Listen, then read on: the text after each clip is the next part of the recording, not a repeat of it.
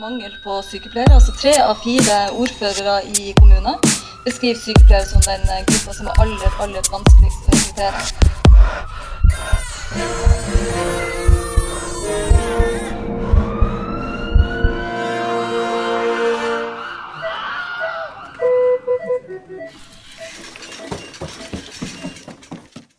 Velkommen til en ny episode av Hjelp, jeg er sykepleier. Jeg vet det er en ganske kjedelig start, for jeg sier det samme hver gang.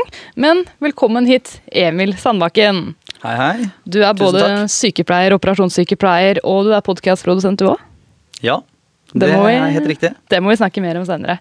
Men nå vil jeg høre om din eh, reise. Din sykepleierreise. Min reise, ja. Yes. Skal vi liksom gå helt eh, tilbake da jeg søkte på studiet? Ja. Ja. Fordi et av de faste spørsmålene er hvorfor ble du sykepleier?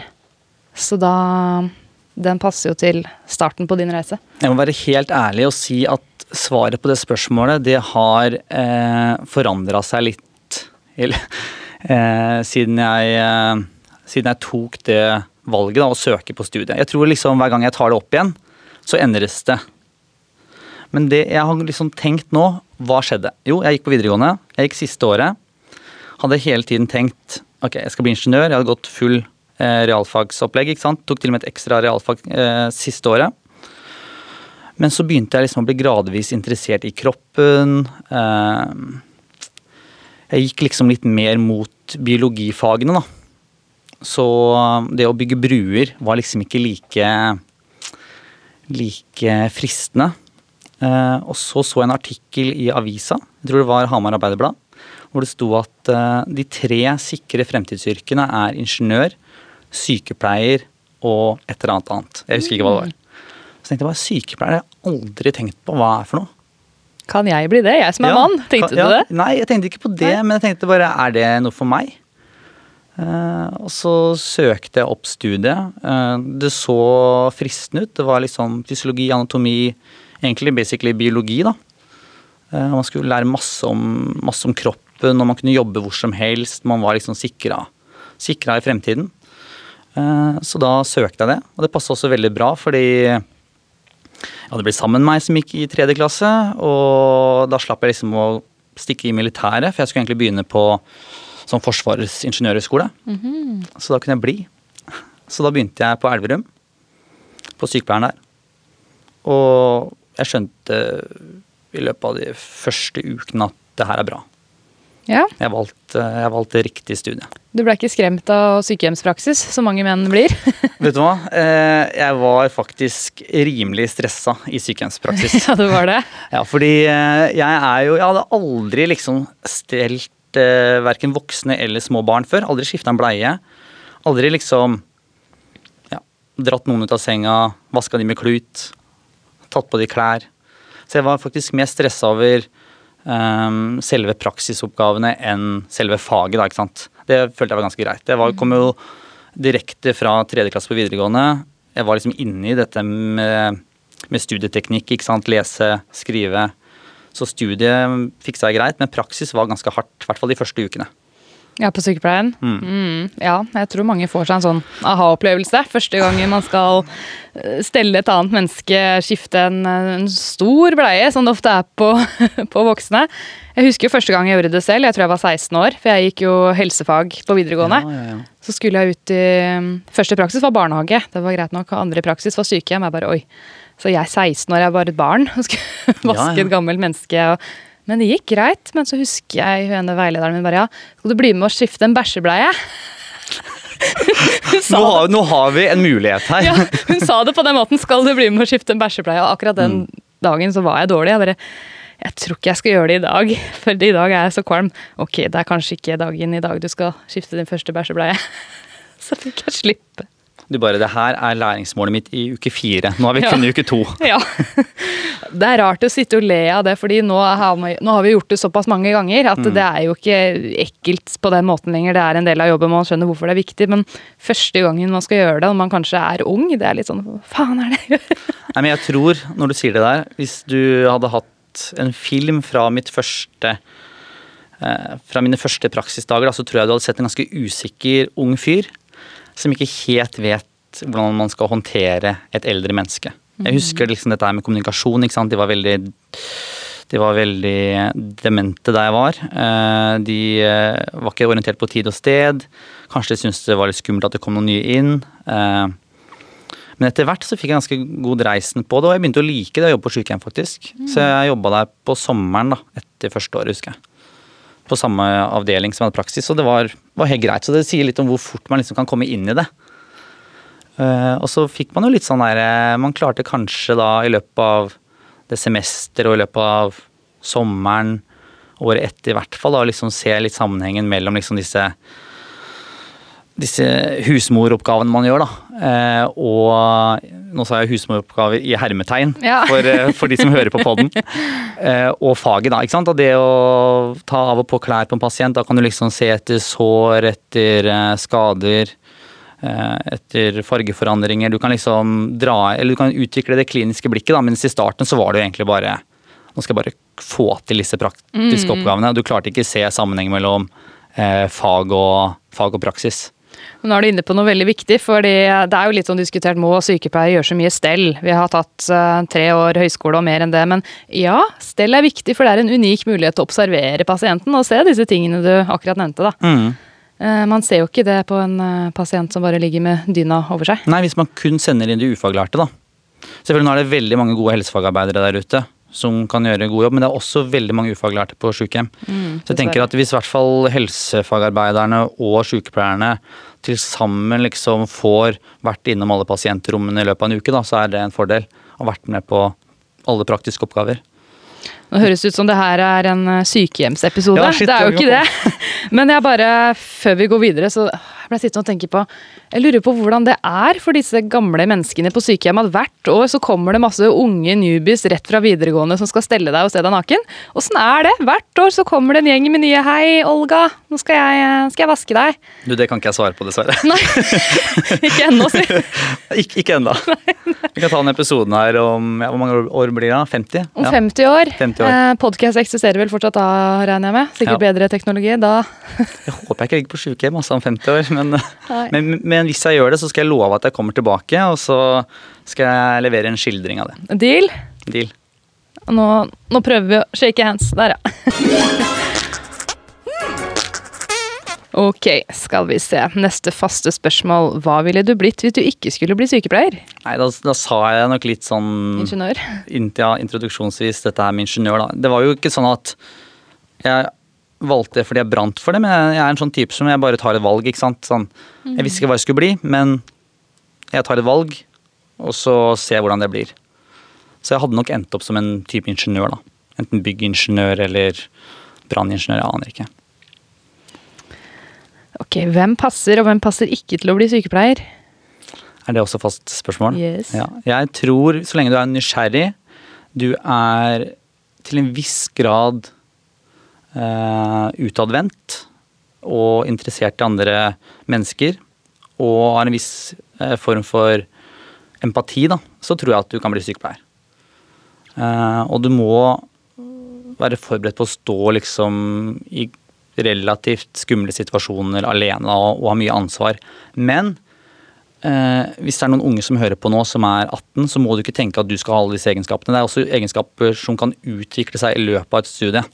Jeg tror helt ærlig, med hånda på hjertet, at hvis jeg hadde blitt ingeniør, så hadde jeg vært en helt annen person nå i dag enn jeg er da. Eh, Fordi jeg har fått utvikle en del av disse mellommenneskelige sidene. Jeg er litt sånn nevrotisk av natur, og jeg hadde nok vært en litt mer introvert, eh, OCD-prega ingeniør. enn jeg, har fått utvikle meg helt andre veien. da. Jeg har blitt satt i mange ubehagelige situasjoner, menneskemøter, eh, og eh, perspektiv på dette her med hvor verdifullt livet er. ikke sant? Det er jo mange på 30 år som aldri har sett en, sett en person lide, ikke sant? Være veldig syk. Uh, ja, så Men uh, på den andre siden, er det noen som absolutt ikke bør bli sykepleier? jeg tenker hvis du er psykopat da, eller uh, har en seriemorder inni deg, så bør du styre unna, for da får du ekstremt mange muligheter. Samme med store seksuelle avvik. Da tror jeg du også bør holde unna. Heldigvis så skal man jo levere en liten sånn politiattest før man eh, skal inn på studiet. Samtidig, de som Eh, det fins dessverre folk med slike avvik som har clean slate, som har eh, perfekt vandel. Ja, og så er det jo sånn at du må levere en ganske clean politiattest før du kommer inn på studiet, men hva du gjør i løpet av de tre årene Ja. Du må ikke levere noen ny politiattest før du får autorisasjonen din. Nei, så jeg tenker at hvis du er, har noen tendenser der, så bør du bli ingeniør. Notert. Notert. Ok, men eh, du endte jo opp som eh, operasjonssykepleier til slutt. Hvordan skjedde det? Eh, Det også er en slags liten sånn reise, da. Det, jeg vil jo si at livet stort sett er prega av tilfeldigheter, hvilke valg man tar. Eh, Jeg jobba jo da på barnemedisinsk infeksjonspost. Stor, eller den største delen av de ansatte der skulle jo bli helsesøstre, som nå er helsesykepleier. Eh, Og jeg begynte også å tenke da at ja, jeg kan bli helsebror. Eh, Men så var det ei på studiet som Nei, ei på jobben som tok operasjonssykepleie. eh, Og fikk da betalt for studiet av OS.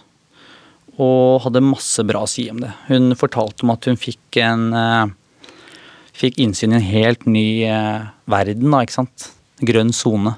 Operasjonsavdelingen vi skal snart snakke om.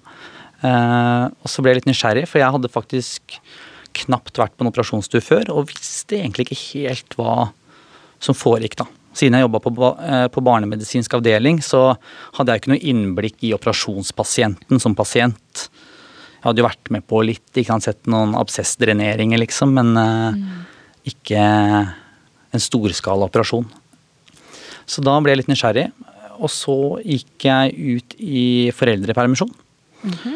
Og da får man jo litt tid til å reflektere på livet. Eh, Så da vurderte jeg ganske sterkt intensivsykepleier, anestesisykepleier og operasjonssykepleier. De tre var de videreutdanningene eh, jeg så meg ut.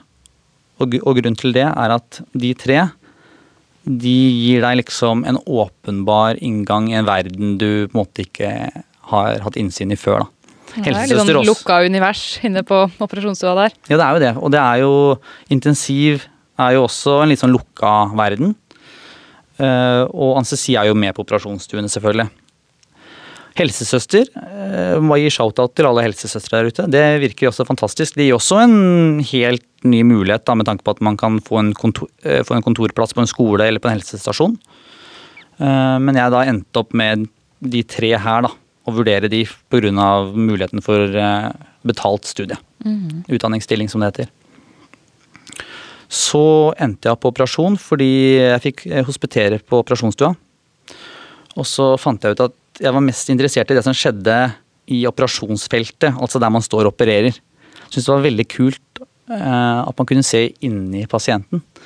Man hadde jo sett mye plansjer og sett litt på YouTube og sånn, liksom, men eh, det å være der og se at eh, kirurgen, da, eller operatøren som det heter når de står og opererer, går inn og fikser en ting, og så syr man igjen, og så er pasienten helbredet i hermetegn. Det var noe helt nytt for meg, som hadde jobba på medisinsk avdeling, hvor man må gi medisiner, og så må man vente et par uker.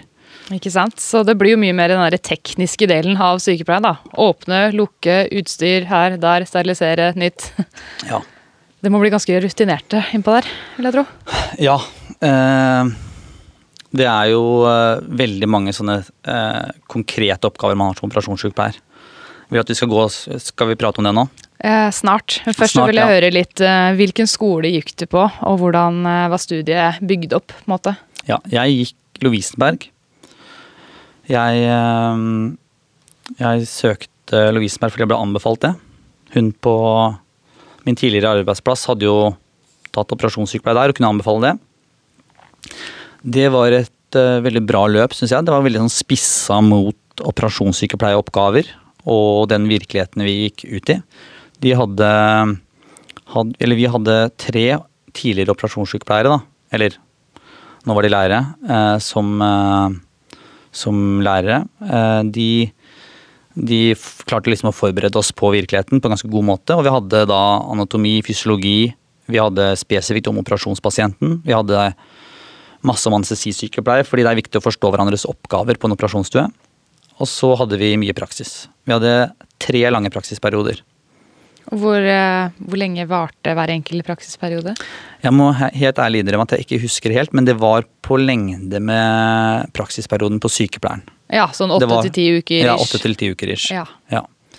Så da, da rakk man jo å bli eh, integrert på praksisstedet. Fordi som sykepleierstudent, da, så man jo, føler man seg litt liten ofte. Man er jo bare sykepleierstudent, men som spesialsykepleierstudent så er man jo allerede autorisert Sånn, er sykepleier. noe. Ja, du er, du er noe, liksom. liksom. Og folk lurer på hvor jobba du før, ikke sant? Hvor lang erfaring har du? Eh, Der hadde ikke jeg så mange år å snakke om, da, men, eh, men man har en viss sånn selvtillit. Ja, selvtillit. hvor lenge var du på barneavdelingen forresten, før du begynte å Jeg videreutdanne deg? var der i tre år. Men det er sånn typisk. Etter tre år så føler man seg ofte klar for noe nytt. Ja, jeg sliter jo litt med det, at jeg går fort videre. Med en gang jeg begynner å liksom senke skuldrene, så Ready for next challenge! Ja, ikke sant? Ja. Skal man noen gang klare å lande et sted? Altså, Jeg skjønner ikke hvordan folk klarer å ha jobba på bare ett sted i sånn 20 år. Det er litt, Jeg beundrer det litt, men samtidig er det sånn Blir du ikke lei? Får du ikke lyst til å gjøre noe nytt? Ja, men jeg er der hvor du er. Jeg beundrer det. Samtidig så ser jeg ikke meg selv eh, som en så lojal arbeidstaker, da, hvis man kan si det. Og så har jo ting endra seg også. Før så kunne kanskje lojalitet betale seg mer, men nå ser man jo helt klart at det ikke betaler seg som sykepleier. Man bør hoppe litt rundt. Ikke sant? Ja. Mm. Nei, så vi hadde da tre lange praksisperioder, kombinert da med teori på skolen. Ganske hardt studie. Jeg husker jeg ble litt overraska uh, over at det var såpass uh, vanskelig, på en måte, å få gode karakterer. Jeg følte liksom at jeg surfa litt gjennom sykepleierskolen. Ja, for jeg lurer på, Er det sånn eksamener der hvor du liksom går gjennom anatomi og fysiologi på nytt? Absolutt, det er det. Det er ikke så bare må- oppgavelevering, liksom? Nei, så du måtte liksom eh, Du måtte repetere en god del. Jeg hadde jo Eller jeg hadde fullført bachelorgraden da bare for tre, tre og et halvt år siden. Så for meg så var jo det ganske friskt i minnet, men jeg hadde ganske stor eh, respekt for de som var 40 pluss på det studiet. Fordi de gikk jo da sykepleieren på en tid hvor de ikke hadde lært å skrive oppgaver. ikke sant? De hadde ikke lært eh, å sitere forskning, de hadde ikke lært å søke opp forskning, de hadde ikke Gjorde de ikke det før? Nei. Og det, jeg husker ikke når sykepleien ble en bachelorgrad heller, men det er jo ikke så innmari mange år siden. Nei, det er kanskje ikke det. Her må jeg digge mer. Det var jo faktisk noen på studiet som hadde gått på søsterhjemmet, tror jeg. Eller hva det heter. Sånn søsterskole. Ja, ja, det er på Ullevål. Ja, ja. Ja. Så det, var jo, det er også morsomt da på en spesial eh, Eller når man går eh, spesialsykepleier, at man har jo ekstremt ulike forutsetninger. Men alle har, har du vært sykepleier i 30 år, da, så ja, du kan ikke søke opp forskning, men da har du i hvert fall en ganske Mye erfaringsbasert kunnskap, da. Veldig mye erfaring. Du har sett masse, ikke sant. Og du har jo en selvtillit og en yrkesidentitet da, som er ganske Mm. sterk. Men dette studiet, er det 50% teori og 50% praksis, sånn som eh, vanlig sykepleierutdanning er? Jeg må innrømme at jeg vet ikke helt om prosentfordelingen, men sånn cirka vil jeg tro. Ja. Mm. Hvor var du i praksis? Jeg var i praksis på øyeavdelingen på Ullevål. Og så var jeg på nevro på Ullevål. Og så var jeg på Thorax på Rikshospitalet. Ok, Jeg vil spørre deg litt om nevro. Fikk du se hjerneoperasjoner? Ja, jeg fikk lov til å assistere de. Wow. For jeg har jo hørt på podkasten din som heter Helserelatert. Da var det en episode hvor du snakka om operasjonssykepleie. Mm. Så mener jeg å huske at jeg hørte noe om at pasienten da er våken. Ja, man kan operere hjernesvulster eh, mens pasienten er våken, fordi hjernen eh, Man føler ikke smerte når man skjærer opp hjernen, ikke sant. Men hva med hodeskallen? Den må vel skjæres opp? Gjør Jo, ikke det men der kan man gi bedøvelse. Ja. Så, eh, så det er jo ganske fascinerende. Fordi det er hvis en svulst ligger nå, nå må jeg bare si til alle nevrosykepleiere og nevrokirurger og alle med kunnskap der ute. Lenge siden jeg var der. Jeg har, har, ikke, har ikke så mye kunnskap om det her. så Jeg skal ikke sitte her og snakke om ting jeg ikke jeg har, så mye, har så mye kunnskap om. Men eh, sånn jeg skjønte det da, i praksis, var at hvis svulsten ligger sånn kritisk til og kan påvirke f.eks. talesenter, hørsel osv., så, videre, så er det da en fin måte å ha pasienten våken eh, under operasjonen, slik at man kan snakke med pasienten underveis. da. Og se ok, kan jeg ta litt, kan jeg ta en millimeter til her liksom rundt svulsten. Liksom, kan du fortsatt prate? Ja, ok, greit, da tar jeg litt til. Og så kan man liksom jobbe ut den svulsten. da. Ah, Jeg bare ser for meg nå at jeg ligger og noen opererer i hjernen min. Skal jeg snakke med Nei, fy faen. Og så bare plutselig går øya hver sin vei, og så gud. Å nei, vi tok litt mye her. Nei da. Men uh, så det var prøver man å slappe av der. Håper man får noe beroligende, i hvert fall. Man får nok noe beroligende. Ja. Får sikkert en Vival eller to. Uh, men, eh, men det var et veldig bra sted, altså. Superseriøst. Kompliserte operasjoner. Eh, veldig lærerikt. Og det å begynne på øyet, praksisperioden før, var en veldig fin introduksjon til faget. Ja, Begynte for det er ikke små. helt det store, kanskje? Nei, det er jo- det er jo jeg- mikro. Ja. Jeg skal ikke krenke noen her og si at øyet bare er en, en, en liten ting, for det er sikkert ganske komplisert, men selve organet er jo ikke så stort. Nei, men det er utrolig komplekst, ja. Det er helt riktig. Mens på nevro så har du måte hjernen, da, så har du ryggmargen, ikke sant. Så det er jo mye å jobbe med. Men som operasjonssykepleier, ikke noe Ikke noe negativt til, til de som jobb, jobber på nevro, men som operasjonssykepleier så får du ikke du for på en hjerneoperasjon, du får ikke sett sett som Eller du, du skjønner jo litt, men liksom, du skjønner jo ikke egentlig helt. Og du gir mikrosaks, du gir mikropinsett, du skyller litt, du gir noen tuppføre. Det er liksom ikke den helt aktive assistansen. Altså for meg så var det ikke riktig å jobbe på et sånt sted. Nei, Du ville ha litt større rolle, er det lov å si? Ja. Mm. For du begynte jo etter hvert på thoraxkirurgien. Ja, det var der jeg fikk eh, bindingstida mi. Ja. Mm. Men før vi går dit, hvor, hvor lang tid tok det å bli operasjonssykepleier? For meg så tok det ett og et halvt år. Det tar to år hvis du tar master. Ja. Så da, fordi Hvis du tar mastergrad, så tar du da det siste semesteret som en oppgaveskrivingsperiode. Er det vanligst å ta master nå, eller ikke master? Nå vet jeg at Oslo Met eh, bygger opp sin master eh, i operasjonssykepleie og anestesi. Og intensiv, tror jeg. Eh, men på den tiden jeg tok det, så var det ikke et alternativ. For det virker som at det er det nye nå. Alt skal bli master. Alt av videreutdanning, helsesykepleie, alt. Det satses mer og mer på det, da. Og jeg anbefaler jo alle da, som skal gå videre, å ta en master. fordi hvis du da på sikt har lyst til å gjøre noe annet, eller lyst du begynner å undervise, så kan du tre, tre inn i en sånn undervisningsrolle. da. Ja, Så kan du ta doktorgrad. Det, kan, jo, det kan du også gjøre, hvis du har lyst til å forske. da. Mm. Tenk da får man doktor som tittel, så er man sykepleier. Doktor sykepleier Helene her. Ja. ja.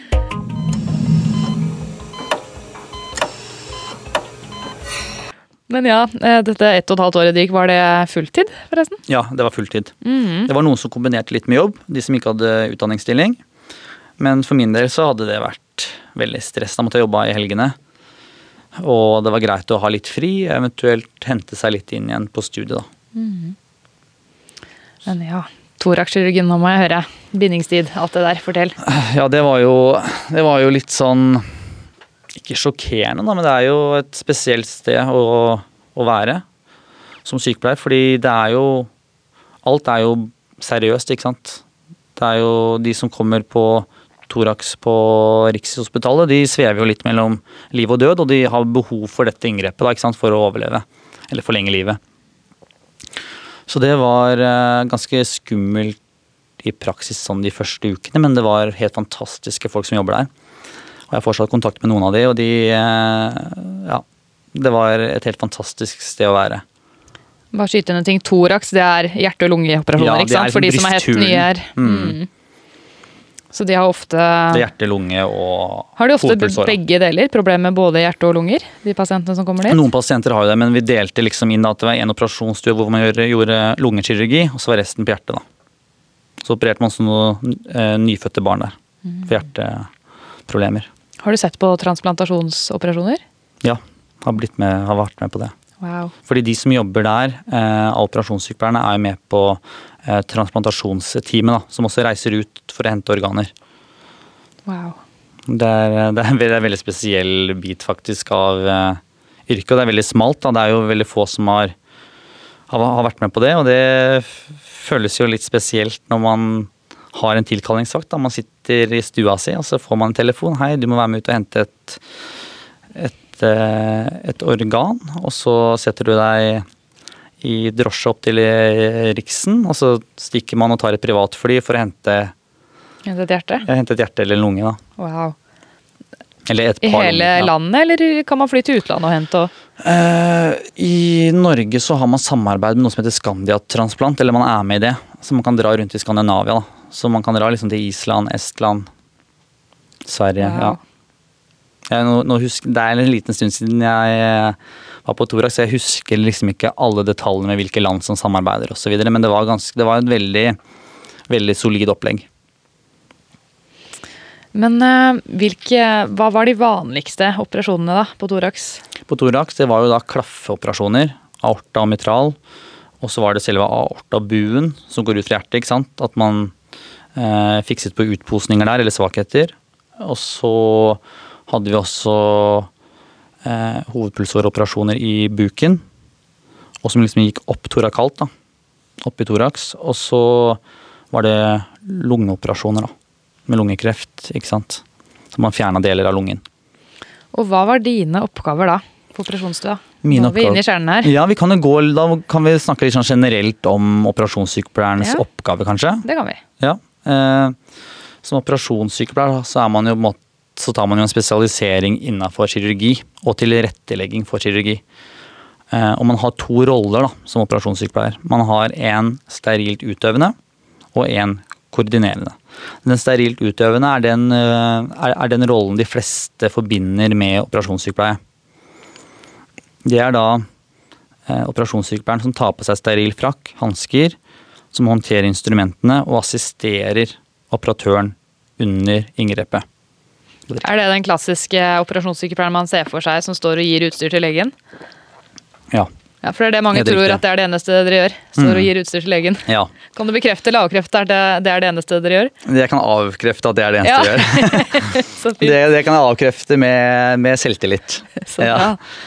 Eh, nei, så, så som eh, eh, operasjonssykepleier, da, så jeg skal gå tilbake til eh, de ulike rollene. Jeg skal bare si litt mer generelt om operasjonssykepleierens ansvar. Jeg har med en liten sånn eh, huske, huskeliste her. Det som er vårt hovedansvar, det er å legge til rette for en trygg operasjon. Og vi har jo da ansvaret for at instrumenter er sterile, at medisinsk-teknisk utstyr er i orden og innstilt på riktige innstillinger. Det er det ikke sikkert at kirurgen har oversikt over. Så det er vår oppgave. Eh, Vi er jo også da medlem eh, av det kirurgiske teamet, og kommunikasjon er ekstremt viktig. Når jeg gikk operasjonssykepleier, så var det økt fokus på ikke-tekniske ferdigheter. For man hadde funnet ut gjennom forskning at du kan være verdens beste til å liksom legge opp instrumentene riktig, assistere, eh, kjenne alle stegene i operasjonen. Du kan være utrolig god koordinerende og legge alt til rette, få inn alt utstyr man trenger. Men hvis det skjer ting, så er dette med kommunikasjon ekstremt viktig for å hindre at situasjoner eskalerer. For å hindre eh, stress hos deg selv og for dine kollegaer. Hvis du er stressa operasjonssykepleier, driver og mister utstyr, driver og skjelver, eh, mister eh, roen under et inngrep, så vil det automatisk smitte over på øvrige medlemmer av det, kirurgiske, team, uavhengig av hvor erfarne de er. Ikke sant? Man må holde roen. Man må holde roen. Også- Lærer dere det på studiet? Hvordan holde roen? Nei, nei, men man lærer det i praksis. For man blir jo mer, eh, mer trygg på seg selv og får økt selvtillit. Da. Eh, men eh, la oss si at man mangler en nål, man mangler et kompress. Kirurgen driver kanskje og lukker, eller man har beveget seg over et nytt steg i operasjonen. Eh, man må liksom vite når man skal si ting. Når, når er det liksom rolig? Når haster ting? Man må bruke Det er faktisk en del sånne ikke-tekniske ferdigheter man ikke kan lese seg til, da, men man må lære gjennom praksis og yrke. Yrkesutøvelsen. Ellers så er det jo da denne, dette ansvaret da for, eh, eh, eh, for kirurgisk utstyr, som da er også en forlengelse av hygiene og infeksjonsforebygging. Da. Noe av det verste som kan skje med en pasient, er selvfølgelig postoperative komplikasjoner som blodpropp, Men det er også infeksjon. ikke sant? Hvis du har gjort en megastor operasjon eller har satt inn en hofte, ikke sant? og så har man infeksjon i ettertid, så kan det føre til at man må ta en ny operasjon. Pasienten kan kanskje dø av sepsis. Eh, Det kan egentlig ødelegge alt. Så det å ha overblikket på stua Det er jo masse besøkende, spesielt på universitetssykehus, hvor det kommer inn legestudenter, sykepleierstudenter, assistentleger. Sørge for at ingen tar på sterile områder. Sørge litt for at man ikke kommer ut og inn av stua på tidspunkt eh, hvor man kanskje ikke bør komme ut og inn, for man kan jo tilføre partikler. Eh, så man har en sånn der, litt sånn overordna funksjon også, som man ikke er klar over når man ser eh, Trond-Viggo være kirurg på YouTube og ser hva er det, er det Linn Skåber som assisterer han da? Så sier han bare arteriepinsett, arteriepinsett, arteriepinsett, mens, mens hun gir han faktisk de instrumentene han vil skal ha. da. Ja, jeg ble sittende og tenke på at Hygiene det er vel et ganske stort felt av det med operasjonssykepleie? Ja, det er et veldig stort felt. Så det er jo noen spesielle operasjonssykepleiere som går videre og blir hygienesykepleiere. Det er, jo, det er jo litt spesielle, spesielt interesserte. Ja, det er det. Men det er noe som heter kirurgisk håndvask. Jeg bare kom på den, og Hva er Ja. forskjell på en vanlig håndvask og en kirurgisk håndvask? Ja. En kirurgisk håndvask er egentlig en eh, OCD-versjon av håndvasken. hvor du da jobber deg eh, egentlig fra albuen, eller litt over albuen, og opp til fingerspissene. Og du må vaske under negler, eh, du må skrubbe deg. Eller noen skrubber, noen ikke. Det har vel vært litt forskjellig forskning der. Eh, Du må klippe neglene, og du må da først vaske hendene. Der er den moderne måten. Først vasker du hendene ordentlig fra fingerspissene, nei, eller fra albuen opp til fingerspissene. Og så skal du da sprite deg, da. Det er det jeg gjør på intensivstuen, egentlig. Da, så vi har sånn svamper med sånn skrubb på den ene siden, og svamp Mm. Ja. på den andre. Så er det skrubb, skrubb og svamp, svamp, og så sånn liten renseting. Ja, det er akkurat neglene. sånn. Jeg har jo så korte negler, så jeg kommer jo ikke til. Og så ser det alltid ut som jeg har skikkelig skitne negler, men jeg bruker sånn blåsjampo. Som setter seg farge i neglene. Ja, så ja, sier at folk det er blåsjampo, det er ikke skittent. eller. Hva er blåsjampo, da? Ja. Bruker dere da sånn eh, sprit med klorheksidin på hendene til slutt? Ja. Ja, det gjør vi. Mm. Eller det er vel litt forskjellige typer nå. Det var jo litt leveringsproblemer under eh, korona, så jeg lurer litt på om alt inneholder klorhexidin. Men Bibiskrubbsprit. Ja. Ja.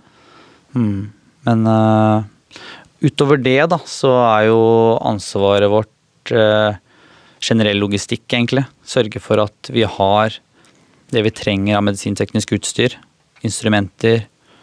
Uh, at kirurgen er informert om at operasjonen blir noe av. ikke sant? På det offentlige så er det jo litt strykninger, det kan være litt forsinkelser. Sørge for at man har eh, riktig pasient. At man opererer eh, eh, riktig kne, eller side. Ja, for da går dere vel gjennom det som heter trygg kirurgi? Ja, stemmer. Ja. Vi, vi, det er jo da eh, Det er noe vi har lært av pilotene. En sånn sjekkliste før vi begynner å operere. Kan du den i hodet? Eh, akkurat nå så er jeg litt svak på den, må jeg innrømme, fordi vi har en litt sånn forkorta versjon der jeg jobber nå. Men, eh, men ja, det er basically det at du må sjekke eh, at du har riktig pasient. Det er en fordel. Det er noe av det viktigste. Og at eh, du vet hvor pasienten skal opereres. Så du vet feltet. Eh, og at pasienten ikke har spist, ikke sant? så den faktisk kan få anestesi, blir lagt i narkose. Og så går man utover Nei, går man over eh, eventuelle utfordringer anestesien har. Eventuelle utfordringer vi får med kirurgien, om det er noe spesielt. Om vi må gjøre en spesiell undersøkelse. Om vi må ha inn en kardiolog på stua, ikke sant. Eh, og så er det jo dette her med antall instrumenter, kompresser, steriliteten på instrumentene før operasjon. Og så tar man jo en dobbelttelling til slutt. Eller man gjør faktisk det flere Det er flere momenter under operasjonen hvor man må telle gjennom nåler, kompresser. eh, Er det det som er kontrolltelling? Ja. Ja. Da er det vel fordel hvis man har litt OCD, kanskje? Uh, ja. Uh, jeg, jeg skal ikke si at jeg har OCD-diagnosen, men jeg har absolutt en del uh, en del, en, en del symptomer på det. Ja. så kameraten min fra Helserelatert-podkasten, han, eh, han sa at det her må være helt perfekt for deg, Emil. For jeg har aldri sett deg forlate en butikk uten at du liksom dobbeltteller alle, alle betalingskortene dine. Eller at du sjekker hvor mye penger du har igjen i lommeboka. Eller liksom, jeg har en del sånne kontrollrutiner innarbeida fra før. Så når jeg begynte på operasjonssykepleierstudiet og ble fortalt at her må vi ta kontrolltelling, så var det sånn derre Perfekt. Selvfølgelig. Er det, er det noe som ikke kontrollteller noe? Nei, men det, det er fint at man kan bruke en av sine nevroser, hvis det er lov å si det, Ja. til noe positivt. Jeg, jeg tror man kan kalle det nevroser. Og eh, jeg tenker at hvis det er en spesialisering hvor det kan være litt rom for, eh, for å ha noen nevroser og litt sånn eh, nevrotiske tendenser, så må det være operasjonssykepleie. Og anestesi, for den saks skyld. For det er veldig viktig med eh, med sånn småting, ikke sant. Så, eller som kan virke sånn smått og banalt. ikke sant? Er, det, er alle tuppferne ute av pasientene? Er alle kompressene ute? Antall nåler? Hvor mange milliliter narkose, eller hvor mange milligram narkose skal pasienten ha? ikke sant? Eller disse ulike legemidlene. Ja, For det med medisiner, er det operasjonssykepleier som gir det, eller er det anestesisykepleierne? Nei, det er anestesin. har fullt ansvar for uh, for nedsoving av pasienten og smertelindring underveis. Vi gir noe lokalbedøvelse som operasjonssykepleiere, men vi administrerer aldri narkose. Nei, så det er det, er det anestesi som gjør. Så er det greit mm. å vite litt sånn ja, hvem, hva er hvem sitt ansvar? Ja. Det fikk jeg vite litt mer nå. Ja, på en operasjonsstue, da. Vi pleier bare å kalle operasjonsstue for stue. Alle operasjonsavdelinger har stuer, og alle operasjonsavdelinger er er grønne soner. da. Det betyr at du kan ikke gå inn i hvite klær. Og pelle buse. Og pelle buse. Du kan ikke Du bør ha på hårnett. Du bør uh, ta smykker. Det bør man jo generelt på sykehus, men du vet ja. jo hvordan det etterleves. Mm -hmm. jeg, kan, jeg, kan, fortelle deg noe etterpå som jeg måtte skrive avvik på her om dagen. Ja. Men nå kom det. Ja. Og så bør man jo ha rene sko som ikke har vært, blitt brukt ute. Uh, det er ikke så viktig å gå i tresko du kan gå i sneakers, liksom. Og Var det en greie før? At man måtte gå i tresko? Nei, det er liksom litt uh, avhengig av avdeling. Men man har vel landa på at så lenge man har rene sko, så er det, er det greit. Og sko man kan sko man kan dra over da med en spritwipe. Mm. For det er jo litt blodsøl i feltet uansett hvor man jobber. Og da er det liksom Du bør kanskje ikke gå med sånn der fly knit-stoff, eh, da. Må kanskje ha noe lær eller ja. Noe som kan vaskes uten at det liksom suger seg inn i stoffet? Ja, faller fra hverandre. ja. ja. Eh, så da har du grønn sone, som er operasjonsavdelingen. Da er det gjerne noen skiftefasiliteter i nærheten. Man går inn der. Er det ofte et vaktrom eller to. Noen avdelinger så har anestesin og operasjon eh, samme vaktrom. Andre steder separat. Kommer litt an på størrelsen.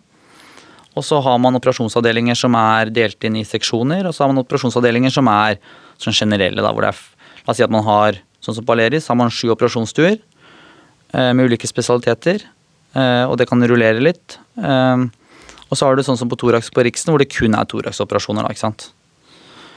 Og inne på stuene så har man jo stort sett et operasjonsbord. Man har sug, man har anestesiapparat, sprøytepumper, man har diatermiapparat. Diatermi er jo noe man har et veldig nært forhold til som operasjonssykepleier, men kanskje ikke har hørt om som sykepleier. Hva kalte du det? Diatermi? Diatermi. Hva var det? Som er en slags sånn høyfrekvent uh, strøm-slash-kniv. Uh, strømskjærekniv. Som man da koagulerer blodkar med, og samtidig skjærer i vevet med, da, som har revolusjonert kirurgien. Så istedenfor å bruke vanlig kniv, så bruker man da mye denne diatermien. da. Ja, For det reduserer blødningen? Fordi mm, det sånn brenner brenne, litt? Ja, den ja. brenner og skjærer. da. Bruker man det på tur P? Eh, ja, man bruker en form for diatermi der. En bipolar diatermi. Hmm. Ja, det også er en greie at uh, ordet bipolar blir brukt ja. mye. Bipolar tang og bipolar ditt og datt. Jeg husker jeg hadde en student. Ja. Han bare Bipolar, er pasienten uh, psykisk syk? Ja. Jeg bare, nei, nei, det er noe med instrumentene. jeg kan jo si fort da, bipolar diatermi er basically da en uh, Da er da en sånn strømførende sak som har da to poler foran. Så strømmen går imellom polene. Nå holder jeg frem to fingre. Mm. Og så sier jeg at strømmen går mellom fingrene mine. Eh, mens en monopolar, da går jo da strømmen fra én pol eh, på f.eks. en kniv, da, gjennom pasienten og ut gjennom en jordingsplate vi setter på. Enten på lår eller mage. Eller et annet egnet sted. Og så går strømmen da tilbake til apparatet.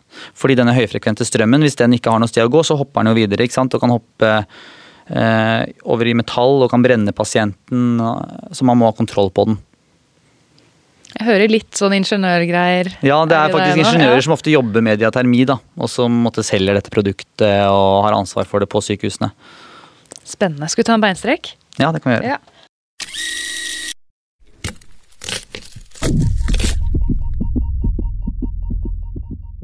Ok, da er vi tilbake etter en liten beinstrek. Så vi snakka jo litt om operasjonssykepleierens oppgaver, men nå lurer jeg litt på hvordan er dette teamet? For en operasjonssykepleier står vel aldri der aleine? Eh, nei, en operasjonssykepleier alene på stua med pasienten eh, er ikke ideelt. Eh, så nå har vi jo snakka da, som du sier, om operasjonssykepleierens oppgaver, koordinerende og steril funksjon, og vi har snakka om operasjonsavdelingen. Men inne på stua, da, der er det jo flere mennesker involvert, eller flere faggrupper. Da, da har man jo operasjonssykepleiere. Stort sett to stykker hvis, hvis det er en vanlig operasjon eller stor operasjon. Hvis det er et lite inngrep, så kan det være én. Um, og så har vi én anestesisykepleier med en anestesilege. Og så har vi kirurgen, som da kalles operatør når han opererer. Og han har med seg da en medoperatør eller assistent da, som mm. assisterer inngrepet. Det kan være, På veldig store operasjoner kan det være to assistenter. Så da, jo flere assistenter det er, jo mer håndlanger er man jo som operasjonssykepleier. Mens på mindre inngrep hvor det er én operatør, da, så er man jo mer delaktig i feltet. Måte hvor kan klippe litt, holde litt, eh, delta. Mens hvis det er to assistentkirurger og en hovedoperatør, så blir man jo mer Da står man jo litt bak, bak med assistansebordet og sender instrumenter inn. Eh, også anestesisykepleieren med anestesilege sørger da for en, eh, for en safe narkose. For at alt går eh, for seg på en bra måte der. Følger med pasienten underveis. Og den koordinerende operasjonssykepleieren sørger for at alt medisinsk-teknisk utstyr er i orden. Henter i nyttig utstyr hvis det skulle bli aktuelt, og nye instrumenter. Og passer også på pasienten underveis og dokumenterer. Kan vi si litt om det medisinsk-tekniske utstyret? For vanligvis medisinsk-teknisk utstyr, eller MTU, så tenker man ja, blodtrykksmaskin, termometer. Her er det vel her er det Da Vinci-roboter og litt mer ja, det, fancy greier. Det kan jo være veldig mye forskjellig, egentlig, ut fra inngrep. Det er jo ulike typer diatermiapparat. Det er eh, kameraer ikke sant? For skopier eller sånn kikkhullskirurgi, som det er veldig mye av nå. Eh, og så er det ulike sug. Det er jo medisinteknisk utstyr. Eh, så kan det være um, ulike sånne ja, som jeg sa, diatermiapparat lignende utstyr. Og, og spesial-MTU MTU for spesialinngrep. da. Så det kan være ganske mye forskjellig, og disse produsentene har jo ofte internundervisning da, på disse maskinene. Så det er jo operasjonssykepleierne som er superbrukere på det her. Mm. Og kanskje har man en håndfull som måtte være veldig flinke på det. Og så har man så er liksom resten av avdelinga de kan bruke det, men har én på avdelingen å spørre hvis det er noe spesielt man skal gjøre. da. Og Der også er det vel eh, egne ingeniører på sykehus som kan løpe fort inn på stua hvis noe av det svikter. Ja, ikke sant. Mm. Ok, da har vi vært litt inne på teamarbeidet. Ja, og det, det kan jeg jo si avslutningsvis, da. Jeg mener ikke å avbryte deg, Helene, men eh, kommunikasjon er det viktigste der. Da kommer ja. disse ikke-tekniske ferdighetene. At man har kanskje, hvis det er Hvis det skjer noe veldig akutt, eller eh, ting kommer ut av kontroll, så må man bare alle beholde roen. Man har kort, effektiv kommunikasjon. Man har closed loop-kommunikasjon. Så hvis du vil at jeg skal gjøre noe, så gjentar jeg det du sier til meg, og så gjør jeg det. ikke sant? Og når det er gjort, så gir jeg beskjed tilbake. Og all kommunikasjon er høy, tydelig, klar, effektiv. Ok, La oss ta et eksempel. da. Nå skal vi, nå skal vi ha litt ja. sånn eh, Sånn simulering. Ja, jeg trenger ett milligram morfin. Ja, ikke sant? Så sier anestesisykepleieren ett milligram morfin. Sier det høyt, ikke sant? Ja, jeg henter ett milligram. Ja, ja, jeg henter, ja. Og så hvis man som operasjonssykepleier da, ikke sant, har, har um, eh, trenger noe til feltet, så sier man jeg trenger Surgiflo. Så sier den koordinerende Surgiflo. Jeg henter det. Kommer inn med det. Jeg sier nå blander jeg Surgiflo. Her er Surgiflo. Eller Surgiflo er klart. Mm. Så vet da kirurgen ok, nå jobber de med det. Nå er det klart, nå kan jeg spørre om det. ikke sant? Så slipper den å si du, har dere henta det, eller? Har dere blanda Surgiflo nå? Kan jeg få det nå? Er det, er det like rundt hjørnet? Mm. Og så sitter da operasjonssykepleieren i hjørnet bare Du, oh shit, her sa dere noe! Jeg så på Instagram. jeg håper ikke han har på med Instagram på operasjonsstue. Nei, så bare ha litt sånn at man vet hva man holder på med, da. Mm, for det er det med bekreftende ferdigheter. Én trenger noe, én sier de henter det. Ja. Sier 'nå er det her', sier 'nå er det satt'. Mm. Og så skal man vel avslutte da med at én sies 'da er det satt'. Ja, mm. så da er man ferdig. Da er liksom loopen eh, Lukket. lukket, ja. Mm. Jeg ble litt sånn satt ut av det med morfin, for jeg henter jo aldri morfin. ikke sant? Bare, morfin er ikke det jeg har hatt med! jeg finner ikke morfin! Delegerer videre. Av en eller annen grunn så er det alltid det eksempelet jeg kommer med når jeg skal uh... Ja, det er mye morfin på intensiv, da. Ja, og kanskje enda mer fentanyl, egentlig, når Ja. vi skal intubere og sånt. Det er jo enda sterkere. Det er det sykeste jeg hadde sett første gangen jeg skulle se på prematur barn ble intubert. Og se Metningen faller og faller og ned til 13. Jeg bare det er veldig lav metning, da. Hysj! Sånn sier man ikke, fikk jeg høre. Jeg Unnskyld. Jeg bare, jeg visste ikke om det var normalt eller ikke. Nei, nei. Eh, Det hadde kanskje vært greit med en liten heads up før de bare Å, kom og bli med og se på det her. Men eh, Ja, Nei, men Det er veldig interessant. Det der går jo under ikke-tekniske ferdigheter hvis man som operasjonssykepleier, anestesi eller assistentkirurg eller hovedoperatør for den saks skyld, ser noe man ikke helt føler er riktig, da. ikke sant? Men så tenker man at den andre har kontroll. Eller som jeg som operasjonssykepleier, jeg tenker liksom nei, det her, operatøren vet hva han gjør. Liksom, blodet pøser ut, men det går sikkert nei, fint. nei, men han, han hopper over et steg som han pleier å gjøre, ikke sant. Det har ikke, ikke skjedd ofte, altså, men skal jeg da si noe, eller skal jeg ikke si noe? Fordi hvis man sier noe, kan du jo få beskjed om bare Hallo, jeg vet hva jeg gjør, ikke sant? Ja. Men man kan også da faktisk eh, Alle kan gjøre feil. Og det er også en greie inne på operasjonsstua at alle er jo, vi er jo et lag, ikke sant. Vi er et team. Eh, så man må ikke være redd for å si noe. Sånn som at du sa det der. Kunne jo vært veldig veldig bra hvis eh, de var såpass stressa at de ikke så på monitoren, ikke sant? eller at det var noe Ja, for det var derfor Jeg kunne ikke se at noen av de snudde hodet mot skopet og så på, for de hadde skrudd av alarmen. ikke sant? Ja. Så jeg bare, Tenk hvis de ikke ser det. Ja, ja. Tenk, tenk hvis barnet dør nå.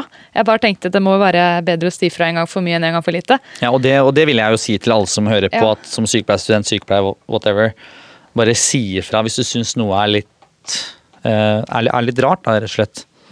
Så får man heller ta det glefset som kommer, da. Men Ja. det kunne jo potensielt redda pasienten, tenker jeg, da. Ja, Så um, det gikk jo bra med Ja. Det kan jeg bare si. Hvis noen lurte. så bra. Ja, er det noe mer vi skal snakke om da, før vi begynner på Q&A? Du, vet du hva? Eh, skal vi se, vi har jo ikke snakket om hvor operasjonssykepleieren kan jobbe. Ah, ja, det er ganske viktig. Eh, og det er jo ganske mange steder. Jeg måtte faktisk skrive opp i går kveld, fordi jeg var litt, det er jo veldig mange steder man kan jobbe som spesialsykepleier i operasjon. Så jeg kan egentlig bare begynne. Det mest vanlige er operasjonsavdelinger i spesialhelsetjenesten. Sånn som en uro- eller thoraxavdeling, ikke sant.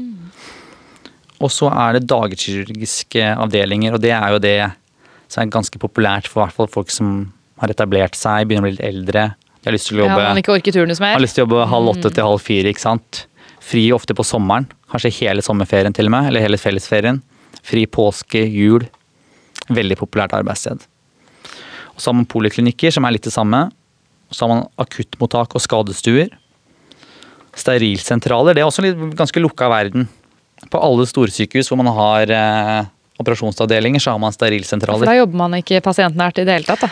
Nei, og det er stort sett noe som heter laboranter som jobber der. Som er da helsefagarbeidere som har tatt en spesialisering.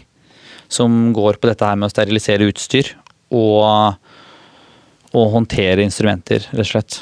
Eh, Laborant, ja det har vi på melkekjøkkenet. Står og vasker totteflasker. er det sant? Ja. ja. Ja, men det er en laborant, ja. Mm, faktisk. ja.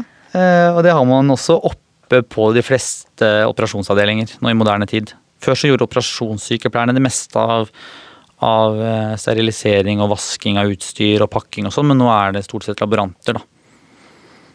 Eh, Så har vi hygieneavdelinger, det har man jo på alle store sykehus. Så er det offshore, da. Der er det jo noen som får jobb som operasjonssykepleier. Der er jo intensiv anestesi mest populært, men det er noen eh, operasjonssykepleiere der også. Nå må jeg bare spørre, Har de operasjonsstuer offshore ute på oljeplattformene?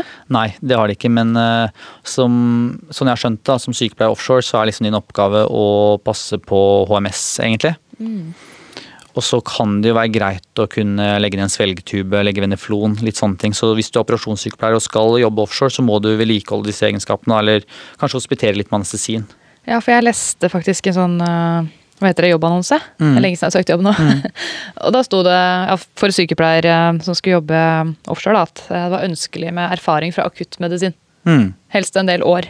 Ja? Og da tenker jeg jo, da er det jo ganske ønskelig at man er operasjonssykepleier intensiv. Da har man jo ofte erfaring med akuttmedisin. Mm. Så det Det er jo sikkert veldig morsomt å gjøre det et par år, da. Være litt av og på. Og så er det katastrofe- og beredskapsteam.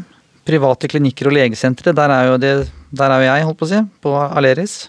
Og så er det internasjonalt hjelpearbeid. Og undervise på høyskole og universitet, da, ikke sant? sånn Lovisenberg eller Oslo OsloMet. Så kan man også undervise på videregående på helsefag, da. Ja, Så det er en del å, å velge mellom. Så kan man starte podcast og det kan man. Mange, mange muligheter. Mm. um, og så snakka vi litt om dette her med egenskaper i stad. Men da vil jeg faktisk understreke det her med at man kan beholde roen, da.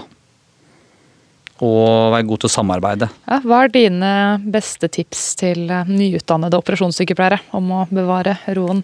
Mitt beste tips, som jeg da fikk, eh, er å alltid se på operasjonsfeltet. Noen som friker ut eller blir stressa, kan kanskje liksom snu seg, se mye på den koordinerende, be om utstyr, hjelp, ikke sant.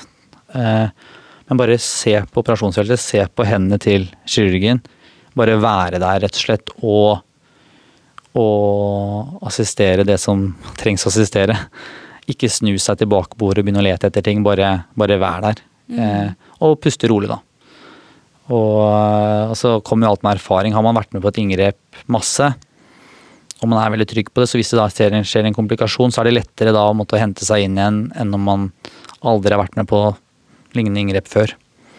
Jeg har jo vært med på noen operasjoner, eh, og da har de hørt på musikk ja. på operasjonsstuen. Er det vanlig? Der jeg jobba før, på Thorax, var det ikke vanlig. Og ikke i praksis heller. Eh, men på Aleris hører vi på masse musikk. Stort sett på alle stuer.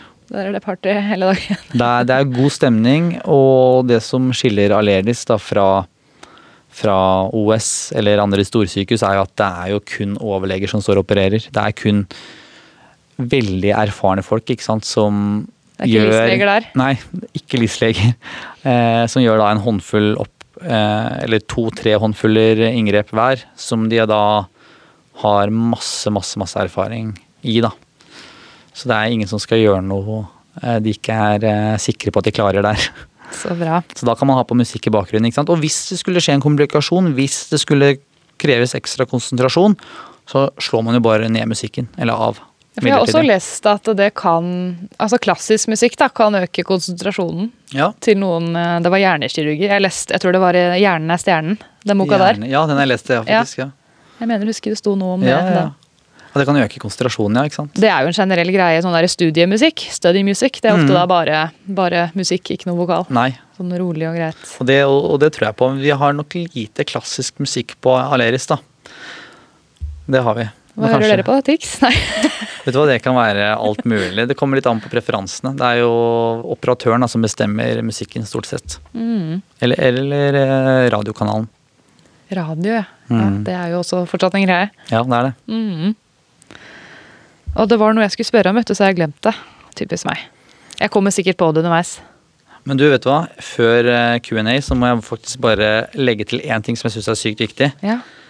Eh, og det er at eh, mange tenker jo da eh, at operasjonssykepleiere kanskje er litt sånn Har litt sånn tunnelsyn, bare ser inngrepet, ikke hele pasienten osv. Og, og det, det føler jeg faktisk er en greie sånn generelt i helsevesenet, at man blir så innmari spesialisert. da.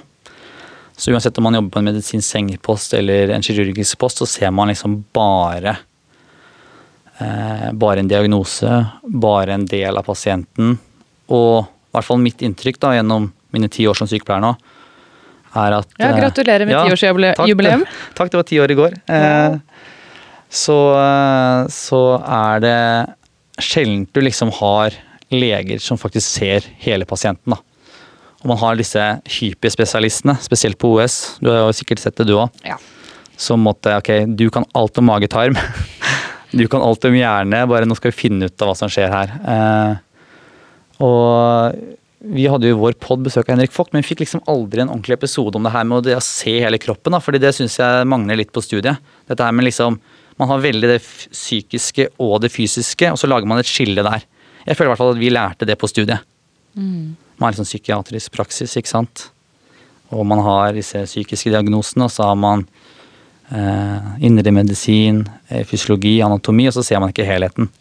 Men det er kanskje greit nok akkurat inne på operasjonsstuen, for da skal dere bare operere akkurat den delen Der av kroppen. Er det greit. Men jeg tror, eller jeg vet, at når pasienten da kanskje kommer tilbake med en sengepost, så er det de sykepleierne som kanskje da får merke at denne spesialisten da, er spesialist på akkurat Ja. den kroppsdelen. For ofte så har jo pasienten flere enn én diagnose. Så er det kanskje kols og sånne ting. Og de er bare Oi. Eh, nei, skal vi sende til lungeavdelinga da, når den er ferdig her? Ja. For dette kan ikke vi. Ja, ikke sant? Og så er det sånn at pasienten er kanskje i hermetegn helbredet på én måte, men hvis det er liksom flere sykdommer, komorbiditet, veldig syke pasienter, så er det jo er jo ikke hele problemet løst av et, av ett inngrep. Og nå er vi inne på politikk, Emil, for det her er jo en av greiene med at de legger ned masse sånne mindre sykehus, Ja. hvor det har vært generelle avdelinger, generell kirurgi. Da kan de litt av alt, generell medisin. Og så blir det disse store monstersykehusene Ja. i storbyene som kun har spesialister. Da blir jo fort pasienten litt sånn eh, kasteball. Når man Ja. er ferdig med en eh, operasjon på det organet, så blir man sendt videre til en annen avdeling for det andre organet som er sykt, og så må man kanskje en tur innom geriatrisk, for da har man blitt forvirra i løpet Ja. av hele denne prosessen. Og så eh, Vi har ikke plass her, vi sender deg videre til CAD pga. samhandlingsreformen. Ja, Ja, så og der er jeg ekstremt todelt, egentlig. fordi hvis jeg skulle feile noe, så vil jeg ha han spesialisten som har operert den hofta eller den uh, delen av uh, mage-tarmsystemet hver dag, liksom. Eller fem dager i uka eller fire dager i uka. Jeg vil ikke dra til han på Vestlandet som gjør to stykk i kvartalet, ikke sant. Men samtidig så trenger man da, i hvert fall på disse storsykehusene, da, noen som klarer å se sammenhenger. Jeg holdt på å si velkommen til skravlebånden. Ja, Nå kom jeg på det jeg skulle spørre om. ja si det. Hva er egentlig de største forskjellene på offentlig og privat helsevesen når det kommer til eh, kirurgiske avdelinger? Ja, det, den største forskjellen vil jeg si, er at i det private så er det da kun Dyrere. Så, så er det kun, eh, kun veldig erfarne kirurger. Da, ikke sant? Det er overleger med masse erfaring som har da spesialisert seg på visse inngrep. Det kan være ganske små, men det kan også være relativt kompliserte. Eh, og så er det sånn at alt er jo elektivt eller planlagte operasjoner hvor man kan bestemme når pasienten skal opereres. Det er ingen som kommer inn med sprukken hovedpulsåre. Nei, Vi har vel ikke så mye akuttmottak på private sykehus i Norge. Nei, man har private legevakter, men man har ikke private akuttmottak. Nei, det er mer Amerika. Ja, det er USA. Eh, Jeg jobber jo på Aleris Frogner, og det, der er det jo sju operasjonsstuer. Opptil 40 operasjonspasienter om dagen. Egen postopp, egen sengepost, apotek, ikke sant. Det minner jo Det er jo, det er jo et sykehus. Men det er elektiv aktivitet, da. Det er ikke akuttoperasjoner. operasjoner. Så det er vel den store forskjellen. Og så er det jo, siden det kun er elektivt, det, kommer, ikke, det skytes ikke inn en eh, akuttoperasjon midt inne i programmet. Veldig sjeldent. Eh, så, så derfor så blir pasienten operert når det er planlagt. Og lokalene, er de litt mer fancy? Eh, ja, jeg vil jo si at det, Det det, ser jo freshere ut på Aleris Frogner enn det gjør på Ullevål. Ja. Det vil jeg si. Og det er jo egentlig sånn Røde Kors sin eh, fortjeneste, sånn jeg skjønte. For det er vel Røde Kors som eier dette sykehuset. Så de- Som eier Aleris?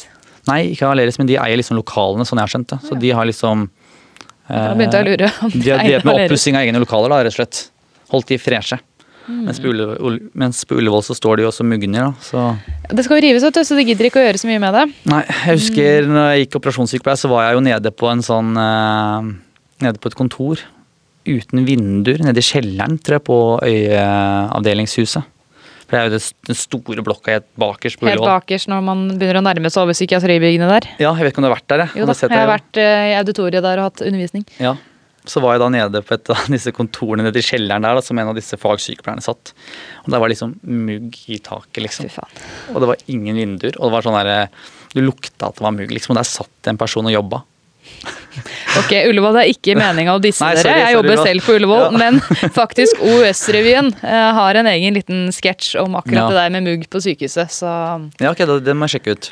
OUS-revyen, veldig morsomt. Venninna mi Trine spilte der. Det var hysterisk gøy. Så neste gang det skal være sykehusrevy i regi av OS, kom og se. Kult. Det skal jeg sjekke. Kanskje jeg skal prøve å bli med neste gang. Ja, rått. Nå må vi begynne med Q&A. Ja, Stakkars sorry. Philip sitter og Philip har sovna bak sulten, Ok, skyt. Har du selv noen gang vært operert? Hvordan var i så fall din erfaring med det? Veldig eh, lite svar her. Nei, aldri vært operert. Nei, så bra. Da har du holdt deg frisk og skadefri så langt. Yes. Gjør du stæsj teamet ditt noen mentale forberedelser før en operasjon? Ja. Hvis vi har litt større inngrep eller noe nytt som vi operasjonssykepleierne kanskje ikke har vært med på så mye før, så sjekker vi ofte prosedyrene dagen før, eventuelt ser på YouTube, bruker andre, andre ressurser for å forberede oss da på hva som skal gjøres. Leser oss kanskje opp på anatomi. Eh, og der, vi, der jeg jobber nå på Frogner, så er det veldig bra sånn at vi har en fagsykepleier som eh, før vi steriliserer utstyret, dagen før, så kan vi da se på utstyret og gå gjennom prosedyren eh, på vaktrommet da, eller, inne på et, eh, eller inne på en operasjonsstue. Så vi på en måte kan visualisere, så, så det ikke blir et uromoment. da. Mm, så dere forbereder dere faktisk flere dager i forveien hvis det er noe litt sånn ukjent eller som dere ikke har vært Ja, Noe vi gjør litt sjeldnere, da. Ja. Mm. Var videreutdanningen krevende? Ja, du, det var jeg litt inne på i stad. At det var jo overraskende Det var overraskende heavy. Det var helt overkommelig. Men hvis du vil ha gode karakterer og gjøre det bra, så må, må du legge inn en del innsats. Men da er man vel kanskje interessert, da, når man først tar den videreutdanningen. Da er jo ting lettere. Og så er man jo stort sett mer voksen. Ja, det har nok også litt å se, si. Skal vi se. Hvor mye går man opp i lønn? Ja, det her prøvde jeg også å sjekke ut litt i går. Eh, og sånn jeg fant det, så går man opp fra mellom 50 til 70, litt avhengig av hvor man jobber. Altså, man går opp 50 000-70 000 kroner mer i året sammenlignet med vanlig grunnutdanning som sykepleier. Ja. Ja. Og så er det litt avhengig av ansiennitet og hvor du jobber. ikke sant? Om du jobber i kommunen, spesialhelsetjenesten. Ja. Nå har vi jo akkurat gått opp litt i lønn alle sammen, for det har jo akkurat vært lønnsoppgjør. Men jeg har en liten, uh, ja du en liten kladd her. Jeg også gjorde litt sånn hasteresearch før jeg eh, dro hit i dag. Og da er det jo vanlig sykepleier startlønn. Det her er tallene fra 2021, da. Så er jo det 423 000. Og det er da med null års ansiennitet og uten tillegg. Men stort sett så tjener jo alle over 500 000 med tillegg. Mm. Så ja, 423 000, det var vanlig sykepleier. Nå tar jeg det i hermetegn. Ja. Og det var da, skal vi se Ja, på nsf.no har jeg funnet det. Operasjonssykepleier startlønn, null års ansiennitet, eh, 470 000. Og etter ti år ca. 570 000. Og med tilleggene så blir det jo da godt over 600 000. Mm. Og så er det jo nå dette sykehusoppgjøret som har vært, med ramme på 3,8 eh, Vi trodde det da betyr 3,8% opp. ja, du, jeg er ikke noe ekspert på de greiene her, altså. Nei, ikke jeg heller, men det virker sånn det er det de mener, da. Da Ja. står det at eh, vanlige sykepleiere i hermetegn går opp 25 000 i året. Og spesialsykepleiere, som operasjonssykepleiere, går opp 34 000. Og så står det da videre Spesialsykepleiere med ti års ansiennitet er sikret en lønn på 602 000 kroner i året, og er garantert en lønn på 650 000 kroner senest 1.1.2024. Og så er det jo med alle disse tilleggene, da, så kan man jo plusse på nesten 100 000 der igjen. Ja, ja. Så snart så tjener dere ganske godt, egentlig. Ja, man gjør det. Du har nå vært i syv år operasjonssykepleier. Fem, sånn cirka fem-seks Eller det blir kanskje seks år, da. For Seks jeg, ja. når jeg gikk operasjonssykepleie, så jobba jeg jo ikke, egentlig. Ikke sant? Mm. Men ja, tida flyr, så plutselig så Tida er du der. veldig. Ja. Og så er det jo kanskje litt forskjell lønn sånn fra offentlig og privat. Man kan vel kanskje mekle Ja, seg litt mer opp i lønn privat enn det man kan i det Ja, offentlige. det er jo mer individuelle eh, forhandlinger privat. Og så er jo det Det er noe man må vite, da. Det her har jeg ikke sagt før, men når man velger spesialitet, så kan det jo være lurt å velge noe det er veldig få.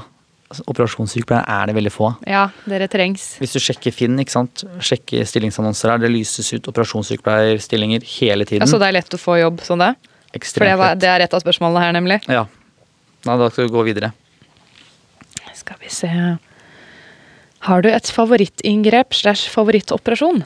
Vet du hva, Det er et veldig bra spørsmål. Jeg satt og så på det selv, og så tenker jeg På en måte så liker jeg litt store operasjoner, enten store ortopediinngrep eller eh, altså Jeg likte inngrepene på thorax også, men jeg, det jeg liker best, er nok variasjon. Det var derfor jeg begynte på Aleris også, fordi der har vi alle spesialiteter. Så variasjon er nok eh, det viktigste. Jeg ville ikke stått og operert samme type inngrep he hele tiden hver dag. Hemoroider hver dag. Hemoroider hver dag? Nei, jo, kanskje akkurat hemoroider tror jeg kunne klart Du hver liker dag. det? Ja, det liker jeg faktisk. Ja, når- du sier det, jeg svarer hemoroider. Det er gøy. Det tror jeg veldig, veldig, veldig mange har. Ja, jeg tror det. Ja. Nei, men du, jeg må skyte inn der. Sorry, jeg skravler. Men uh, vi hadde jo da en proktolog. De som Og det er kun- rumpelege, ikke ja, sant? Ja, Ja. rumpeleger. Han var jo da Nord-Europas råeste på polyppfjerning. Uh, han underviste oss på operasjonssykepleierskolen, da, eller på Lovisenberg, og han sa deres fordel som sykepleiere generelt, men også operasjonssykepleiere, er at dere kan skifte spesialitet. Mens jeg har blitt Nord-Europas råeste på å fjerne uh, anale polypper. Og jeg må fortsette med det. Da var han lost i det. Og så viste han et bilde av seg selv som satt liksom inni, inni rumpa på en pasient, nærmest. Bare 'Dette her er mitt liv'. Men jeg er jævlig god på det. Proktor, doktor, proktors prompepulver, er ikke det en Jo, ja, en det er en barnebok. Hva er egentlig forskjellen på polypper og hemoroider? Neste spørsmål. Greit. Skal vi se. Er det et hierarki på operasjonsstuen? I så fall, hvordan er hierarkiet bygget opp? Ja, jeg vil jo si at uansett hvor flatt det er og hvor god stemning det er, og sånn, så er det jo et, et slags hierarki. Jeg vil si at operatøren er piloten, ikke sant. Uten Mr. Captain? Ja, ikke Eller? She's the Captain, kan ja, det også være. Eller She's, ja. Eh, eller hen, jeg vet ikke. Ja. mange, mange, mange muligheter. Eh, personen, da, eller operatøren, kan vi si da, eh, er jo da den ansvarlige. Det er den som utfører inngrepet, og er da på en måte øverst. Og så sørger vi andre for at det her skal gå så smooth som mulig. Anestesilege, anestesisykepleier, operasjonssykepleier. Vi er her for å ta vare på pasienten og gjøre forholdene så bra som mulig for operatørene. da. Ville du valgt operasjonssykepleier igjen dersom du kunne snu tiden tilbake? Ja, det vil jeg. Så bra! Mm. Så det er eh, Vi har snakka om det her tidligere i dag. Jeg husker ikke om det var før eller etter vi begynte å spille inn. Det er noen som spør jeg synes operasjonssykepleiere er så strenge på telefonen. Er de mer hyggelige på operasjonsstuen? Nei. De, de er bare sure og strenge. Du virker ikke så sur og streng nå. Nei, vet du hva, Det er helt fantastisk på operasjonsstuene. Uansett hvor jeg har vært, stort sett så er de fleste hyggelige, glad eh, og veldig fokusert på sine egne arbeidsoppgaver, men kan spøke, le, ha humor som alle andre steder i sykehuset. Men vi er en lukka avdeling, stort sett, i hvert fall på storsykehus. Lite hospitering. Jeg anbefaler alle som har studiedager osv. å ta seg en tur opp på operasjonsstua. Hilse på. Komme litt sånn eh, innpå oss. Eh, vi liker jo egentlig folk som er interessert i operasjoner. Eh, og så er vi, er vi er ikke så strenge. Vi, vi, vi biter ikke. Kanskje det var den litt mer eldre garden før? At de var litt strengere? Nå er det litt mer Det sånn finnes- musikk og god stemning? Det fins strenge operasjonssykepleiere, men det er ikke vondt ment. Selv de eh, smiler og ler når du kommer inn på det. Ja, men det, Ja. det er fint å høre. Ja. Er det lett å få jobbe som operasjonssykepleier? Svaret på det var egentlig ja? Ja. Det er veldig lett. Så bra. Hva synes du er mest spennende med yrket ditt? Det er jo det å få lov til å se inni menneskekroppen. Da. Ja, Og, Virkelig komme på innsiden av folk, se. ja, og i hermetegn være med på å, å helbrede de rett og slett der og da, liksom. Mm. Fikse dem. Fikse de. Hvordan er arbeidstidene som operasjonssykepleier? Det er jo litt fint, da, at det er jo varierer jo veldig fra arbeidssted til arbeidssted. Så hvis du har lyst til å jobbe tredel turnus, du har lyst til å jobbe masse ekstravakter i friperioder, så er det plenty av muligheter for det på storsykehusene. Eh, har du lyst til å jobbe på dagkirurgiske enheter, så er det på alle storsykehus også. Da jobber du jo da halv åtte til halv fire eller åtte til fire og har alle ferier fri. Og så kan du jobbe privat. Eh, Jeg har jo en slags sånn drømmeturnus, føler jeg. da, hvor man da, Jeg jobber jo fire dager i uka. Har, én tilkallingsvakt. Eh, ellers så Ja. Så det varierer helt fra hvor man jobber. Mm. Jeg pleier ofte å si at der det er kjipest turnus, er det ofte mest spennende å jobbe. Jeg vet ikke om du er Ja. enig eller uenig i den påstanden? For der er det jo litt mer sånn akutt. til- Ja, ja, ja, det er faktisk sant. Eh, Thorax hadde jo faktisk en ganske god turnus. Det var tredelt, da. Ja, ja den var, den var tredelt med tilkallingsvakter eller bakvakter. Men det var jo mulighet for å sove på nattvaktene. Vi hadde egne soverom. Og ja, det var veldig forenlig med familieliv, faktisk. Så bra. Oh, spennende spørsmål. Hvordan føles det at det er ditt ansvar å passe på at legen ikke glemmer ting inni pasienten sin kropp? Ja, det, det å liksom ha ansvaret for at utstyret er sterilt, svare ja på det under trygg kirurgi, og, og svare ja på at alt er ute av pasienten. Nåler, kompresser, utstyr, eh, instrumenter. Det, det, er et visst ansvar over det som Hvis du la, la, la oss si da at man mister et kompress, man finner det ikke. Man vet ikke hvor det er. Eh, kirurgen sier det er greit, det er ikke inni pasienten. Så får ikke en operasjonssykepleier sove på natta. Mm. Vi, vi, vi må ha alt. Vi må ha lina opp alle nåler, alle kompresser. Eh, og vi tar det ansvaret veldig seriøst, og det føles greit så lenge alt stemmer. Men det må jo være litt skrekken? Ja, ja, det er helt klart skrekken. Men dersom det skulle skje da, at det blir igjen en nål inni pasienten sin kropp, er det liksom ikke kirurgen sitt ansvar i det hele tatt? Er all skylden liksom over på deg da, hvis det skulle skjedd? Sånn jeg har forstått det, så er det mitt ansvar å opp, opplyse han om at det har skjedd. Men hvis han lukker pasienten, jeg sier at alt stemmer, jeg har alle nåler, alle kompresser, så er det mitt ansvar da. Hvis han mm. lukker den, og det ligger et kompress inni der, eller en nål, da. Det er også et stort ansvar dette her med hva slags suturer, eller hva slags nål og tråd vi gir pasienten. Om det er absorberbart, ikke absorberbart. ikke sant? Mm, ja. For det er visse ting, f.eks. hvis du syr en hovedpulsåre, så skal du jo være ganske sikker som operasjonssykepleier hvis legen ikke dobbeltsjekker det, at du har gitt da en ikke-resorberbar sutur. Så du skal ha orden på sakene dine. Og orden i sysakene? Orden i sysakene, rett, og slett. Bokstavelig talt. ja.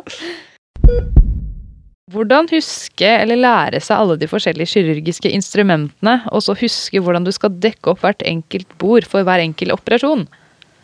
På, på thorax eller på mer seksjonerte steder så har man jo da kanskje la oss si 15 hovedinngrep. da. Og så kommer det egentlig med erfaring, man har gode prosedyrer på det. Mens på Aleris har vi vel sist jeg sjekka 160 ulike inngrep vi gjør. Og da er det jo litt vanskeligere å huske alt. Og det kan kanskje være to-tre måneder mellom hver gang man gjør noen av disse inngrepene. Eh, da er det viktig med gode prosedyrer.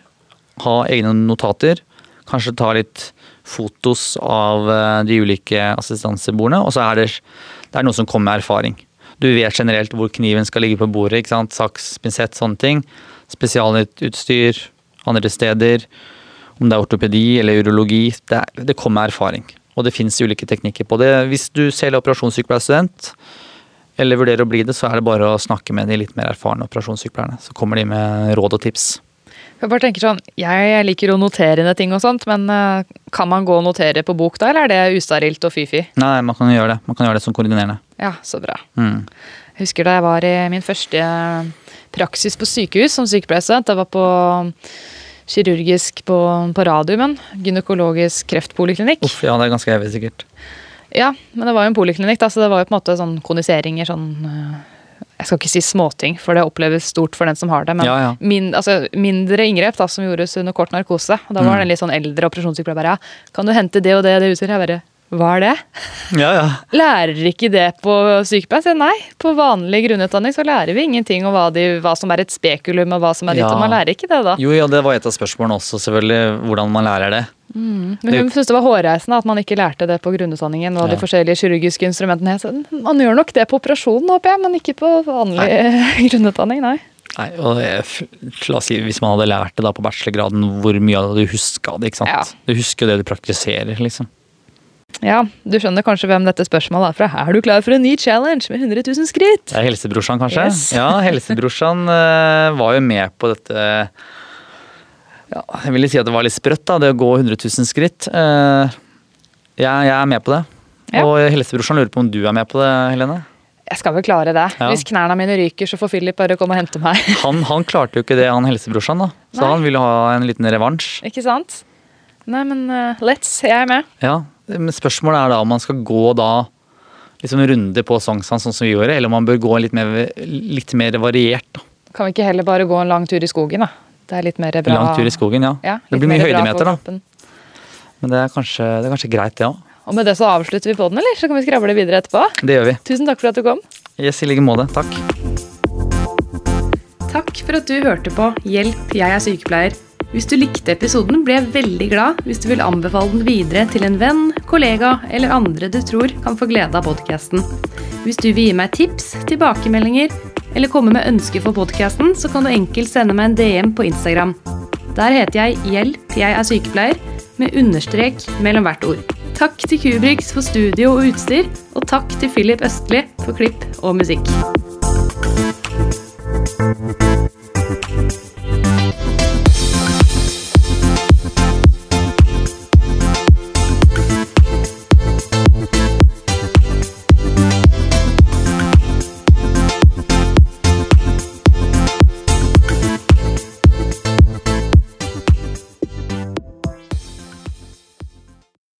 Har du et enkeltpersonforetak eller en liten bedrift? Da er du sikkert lei av å høre meg snakke om hvor enkelt det er med kvitteringer og bilag i fiken, så vi eh, gir oss her, vi. Fordi vi liker enkelt. Fiken superenkelt regnskap.